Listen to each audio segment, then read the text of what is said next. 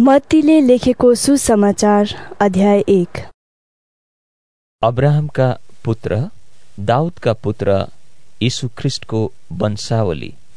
Abraham इसाकका पिता थिए इसहाक याकुबका पिता थिए याकुब यहुदा र तिनका दाजुभाइहरूका पिता यहुदा फारेस र जाहेरका पिता थिए। तिनीहरूकी आमा तामार थिइन्। फारेस हेस्रोनका पिता हेस्रोन आरामका पिता आराम अम्मिनादाबका पिता अम्मिनादाब नहसोनका पिता नहसोन सलमोनका पिता सलमोन बोअजका पिता थिए तिनकी आमा राहाब थिइन् बोअज ओबेदका पिता थिए तिनकी आमा रुथ थिइन् ओबेद इसैका पिता इसै दाउद राजाका पिता थिए दाउद सोलोमनका पिता थिए। तिनकी आमा उरियाकी पत्नी थिइन् सोलोमन रहबामका पिता, रहबाम अबियाका पिता, अबिया आशाका पिता। आशा यहोसपातका पिता, यहोसापात यहोरामका पिता, यहोराम उजियाका पिता, उजिया योतामका पिता, योताम आहाजका पिता, आहाज हिजकियाका पिता हिजकिया मन्नासेका पिता मन्नासे अमोनका पिता अमोन योसियाका पिता योसिया योकुनियास र तिनका भाइहरूका पिता थिए तिनीहरू बेबिलोनमा यहुदीहरूलाई बन्दी बनाएर लगिने समय अघि जन्मेका थिए। बेबिलोनमा बन्दी बनाएर लगिएपछि योकुनियास साल्तिएलका पिता थिए।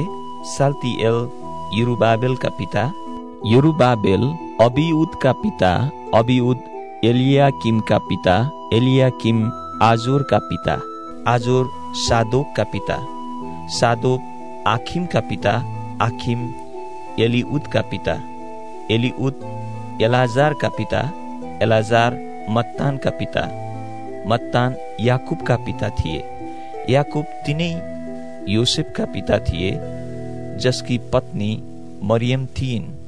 यिनै मरियमबाट यीशुको जन्म भयो जो ख्रिस्ट कहलाइन्छन्। यसरी अब्राहमदेखि दाउदसम्म चौध पुस्ता भए र दाउदको समयदेखि बेबिलोनमा निष्कासन हुने समयसम्म चौध पुस्ता र बेबिलोनमा निष्कासन भएको समयदेखि ख्रिस्टको समयसम्म चौध पुस्ता भए। यीशु ख्रिस्टको जन्म यस प्रकारले भयो। उहाँकी आमा मरियमको मगनी युसुफसँग भएको थियो तर उनीहरूको विवाह हुन अघि मरियम पवित्र आत्माद्वारा गर्भवती भएकी थाहा भयो।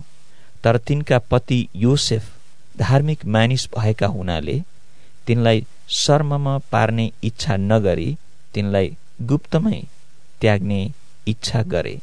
तर जब उनले यी कुरा विचार गर्दै थिए सपनामा परमप्रभुका दूत देखा परे र उनलाई यसो भने योसेफ दाउदका छोरा तिम्री पत्नी मरियमलाई स्वीकार गर्न नडराऊ किनभने जो तिनको गर्भमा हुनुहुन्छ उहाँ पवित्र आत्माबाट हुनुहुन्छ।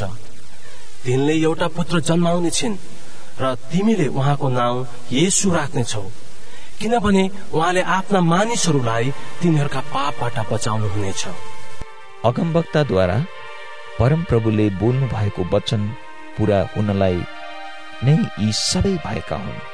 हेर एउटा कन्याले गर्भधारण गर्नेछ र त्यसले एउटा पुत्र जन्माउनेछ र उहाँको नाउँ इम्मानुएल राखिनेछ जसको अर्थ हो परमेश्वर हामीहरूसँग। जसको अर्थ हो परमेश्वर हामीहरूसँग।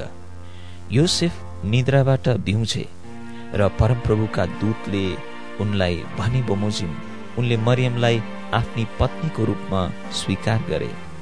मरियमले पुत्र नजन्माउन्जेल योसेफले तिनीसँग सहवास गरेनन्। योसेफले उहाँको नाउँ येसु राखे।